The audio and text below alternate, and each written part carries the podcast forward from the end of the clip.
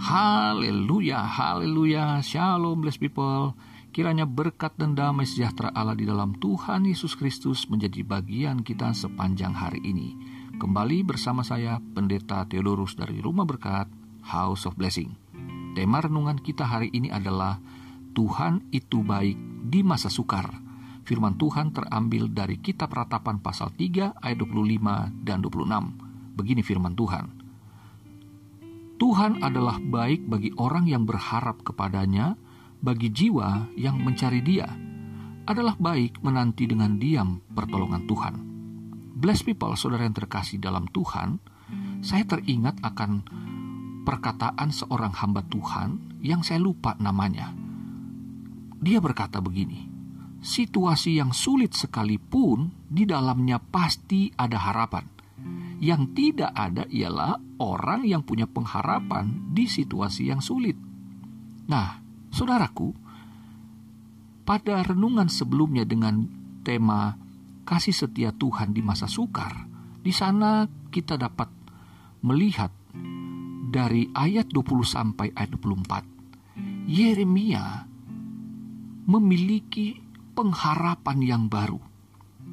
Ketika di ayat 1 sampai 19 dia sempat kehilangan pengharapan karena masalah yang begitu besar, masalah yang berat sekali untuk ditanggung oleh Yeremia dan tentu saja bangsa Yehuda.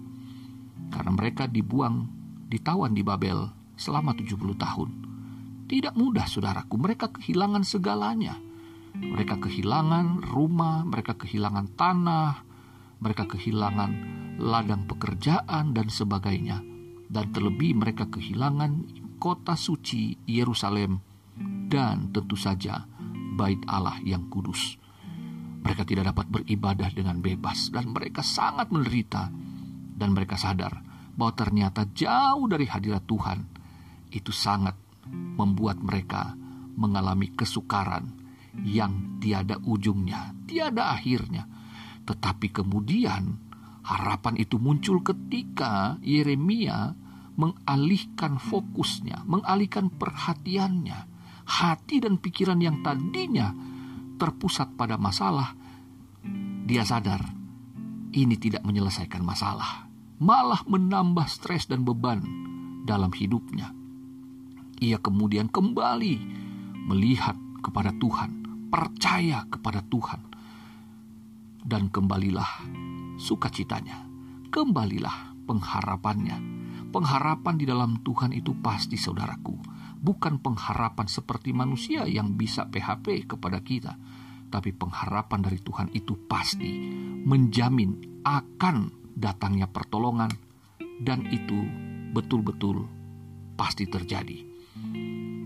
Akhirnya Yeremia menyadari bahwa memang segalanya bisa hilang, segalanya bisa lenyap.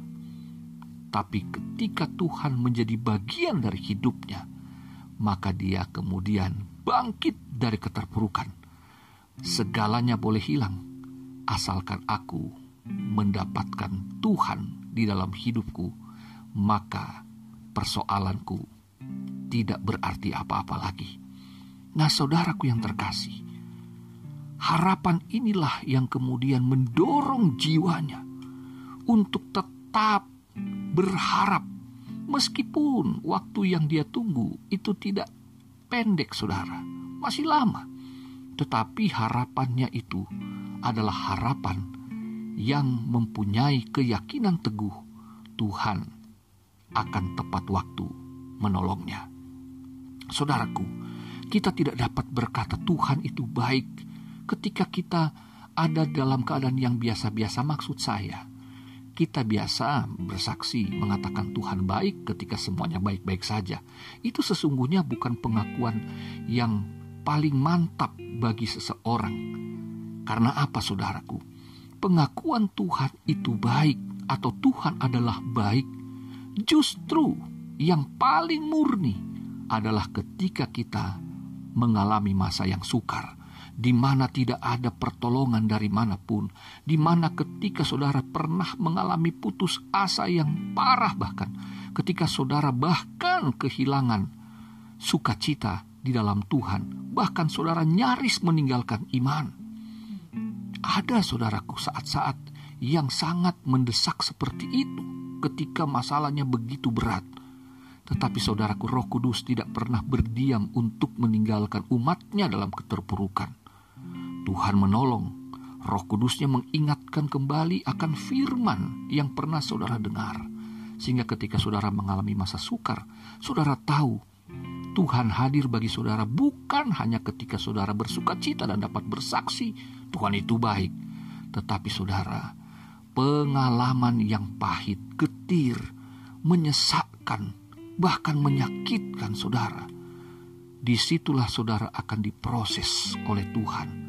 Saudara dapat sesuatu yang berat, yang tidak bisa saudara pikul rasanya terlalu berat tetapi saudaraku, hal yang tidak dapat kita duga, itulah yang kemudian Tuhan akan munculkan, yang disebut pengharapan tadi. Karena pengharapan sesungguhnya adalah dari iman kepada Tuhan. Dan roh kudus itulah yang mengingatkan akan firman yang pernah saudara dengar. Karena iman timbul dari pendengaran akan firman Kristus. Jadi ketika kita dalam keterpurukan, Roh Kudus Sang Penolong akan membunyikan kembali, menggaungkan kembali, menyuarakan kembali dalam hati dan pikiran saudara akan firman yang pernah saudara dengar, akan janji-janji dan jaminan perlindungan, pertolongan Tuhan yang pernah saudara dengar atau saudara baca. Di situlah saudara akan kembali percaya dan kembali bangkit harapan di dalam Tuhan. Sebab itu saudaraku dikatakan Tuhan adalah baik bagi orang yang berharap kepadanya, bagi jiwa yang mencari dia dua hal ini, saudaraku. Jadi orang nggak bisa bilang dengan dengan hati yang yang sebenarnya, yang sejatinya, kalau dia dalam keadaan baik-baik saja. Orang yang ada dalam masa sukar, ketika dia muncul kembali pengharapan dan akhirnya bangkit kembali imannya itu, maka dia dapat berkata Tuhan baik. Karena apa saudaraku? Tuhan itu baik. Tuhan adalah baik bagi orang yang pertama berharap kepada Tuhan, yang kedua orang atau jiwa yang mencari Dia di ayat 25 tadi. Jadi orang yang tidak tidak uh, mencari Tuhan, orang yang tidak uh, berharap kepada Tuhan, maka di situlah kemudian dia merasa bahwa segalanya berakhir. Tapi syukur kita punya Roh Kudus yang mengingatkan kita untuk kembali menaruh harapan dan mencari Tuhan. Dalam seruan doa kita, pergumulan kita, bahwa masa yang sukar Tuhan, aku sungguh mencapai titik nadir, aku tidak sanggup untuk bertahan. Tapi aku punya pengharapan meskipun itu hanya setitik sinar, tapi aku percaya Engkau ada di sana. Engkau ada di sini. Engkau ada bersamaku. Saudaraku, adalah baik menanti dengan diam pertolongan Tuhan. Artinya bukan diam secara pasif, tapi di sini maksudnya kita berdiam diri dari dari hiruk pikuknya masalah, dari berseliwirannya suara-suara untuk memberikan jalan, untuk menyatakan ada jalan lain di luar Tuhan. Tapi saudara harus bertahan. Diam artinya saudara dalam masa yang sukar itu saudara tetap mempercayai Tuhan. Aku percaya. Aku punya jalan, yaitu engkau. Yesus adalah jalan dan hidup bagi saudara, di mana kebenarannya itulah yang menyatakan bahwa saudara tidak pernah ditinggalkan. Tuhan sangat mengasihi saudara dan saya. Itu sebabnya di masa yang sukar, Tuhan itu baik. Dia akan selalu menyatakan kasih setia dan rahmatnya. Dan jaminannya adalah baru setiap pagi. Artinya, setiap kita akan memulai hari kita di mana penderitaan itu masih ada di belakang kita dan siap akan kita hadapi lagi masalah yang baru. Tapi Tuhan telah memberikan jaring pengamannya, yaitu rahmatnya belas kasihannya, saudara dan saya bisa gagal pada hari itu, bisa jatuh dalam dosa pada hari itu. tetapi Tuhan dalam kasih setianya tidak akan membiarkan kita jatuh dan binasa, sebab tangan Tuhan menopang kita. Haleluya. Saudaraku, mari kita berdiam diri artinya kita duduk di kaki Tuhan. Kita renungkan firman-Nya.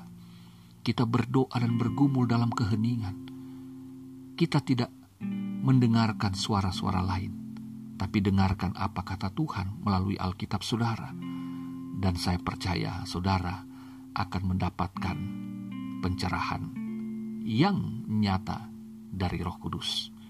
Kiranya saudara tetap bertahan dan tetap percaya karena yang membuat seseorang ketika ada di tengah laut terapung-apung karena kapalnya tenggelam adalah dia punya pengharapan. Dia mungkin hanya punya sebilah papan atau ban bekas atau pelampung. Dia tidak membiarkan dirinya tenggelam dan mati. Ia masih pengen hidup karena dia tahu, dia percaya, dia punya harapan akan ada kapal atau perahu yang lewat meskipun entah kapan. Tapi harapan itulah yang membuat orang itu bertahan di tengah lautan seorang diri. Demikianlah kiranya kita, meskipun mungkin kita hanya sendiri saat ini, tapi kita punya harapan. Tuhan pasti datang untuk menolong kita. Selamat beraktivitas. Tuhan Yesus mengasihimu. Tuhan Yesus memberkatimu. Haleluya, bless people.